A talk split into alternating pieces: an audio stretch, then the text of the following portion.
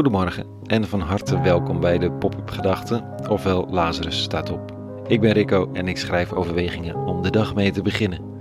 Vandaag met de titel: Het gaat niet om namen en rugnummers. Pop-up Gedachten woensdag 15 december 2021.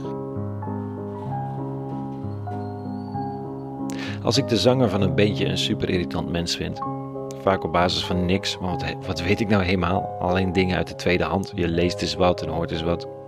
Dan heeft dat impact op de mate waarin ik de muziek waardeer. Zo gaat het nou eenmaal. Als je een mooie uitspraak hoort, wil je al gauw weten van wie. Is diegene een nare mens, dan daalt de uitspraak rap in waarde. Theatermaker Laura van Dolrel zei ooit in een voorstelling over de liefde dat ze de uitspraak I think everybody should like everybody een fantastische uitspraak vond. En dat het best een beetje ingewikkeld was omdat die uitspraak afkomstig was van pop-art-kunstenaar Andy Warhol. En daar had ze best een beetje een hekel aan. Je zou me bijna voor gaan liken. Een grappige paradoxale tweestrijd bij Laura van Dolron, die in haar voorstelling een lans brak voor de oneindige mogelijkheden van het liefhebben. Vandaag gaat het in de lezing over Jezus van Nazareth. En dat is een niet zo gemakkelijk te omarmen personage. In elk geval in zijn tijd. Nu hij niet meer onder ons is in fysieke zin, is het gemakkelijker om een eigen beeld van de rabbi van Nazareth te maken en dat dan heel oké te vinden. Dat hij een fijne revolutionair was die opkwam voor de armen. Wat helemaal klopt. Maar wat moet je dan met al die zinnen waarin hij geloof vraagt? In hemzelf en zich als enige weg presenteert. En natuurlijk ook andersom.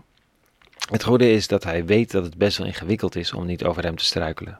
Lees wat er gebeurt als een paar mensen komen vragen of hij nu de beloofde Messias is die komen zou, de revolutionair, de redder van Gods wegen, het keerpunt, het begin van de echte lang verwachte verandering. Dit staat er. Johannes de Doper heeft ons naar u gestuurd, om u te vragen, bent u de komende of hebben wij een ander te verwachten? Op dat ogenblik gaan als Jezus veel mensen van ziekte, kwalen en boze geesten en schonk een groot aantal blinden het zicht terug. Hij gaf hen dit antwoord. Gaat aan Johannes zeggen wat u gezien en gehoord hebt. Blinden zien en lammen lopen.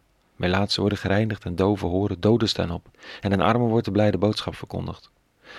Hmm, gelukkig hij die aan mij geen aanstoot neemt.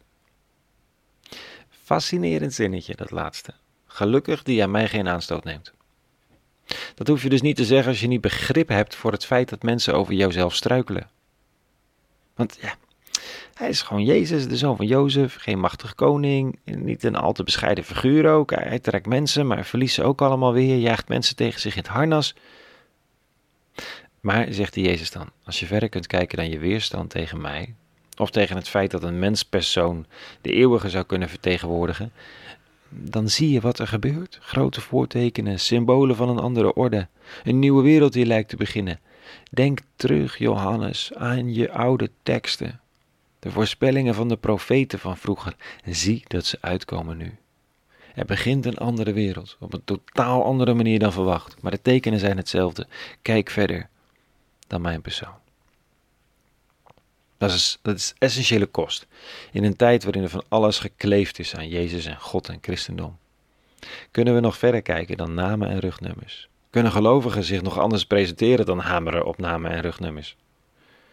Ja, ja, roept er iemand, maar het is in de naam van Jezus dat je gered zult worden. Die moet je dan aanroepen, punt uit. Maar kijk dan hoe een aanstoot dat is.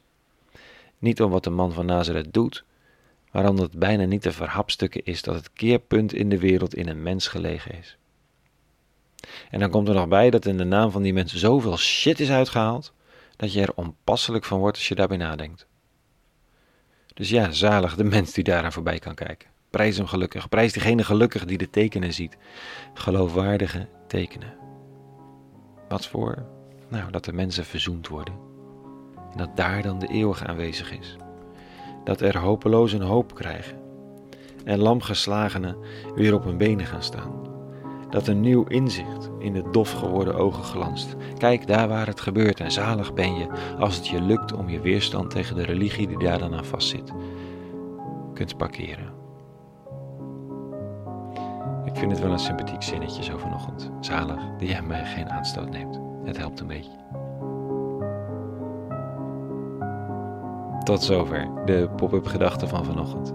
Een hele goede woensdag gewenst vandaag en vrede en alle goeds.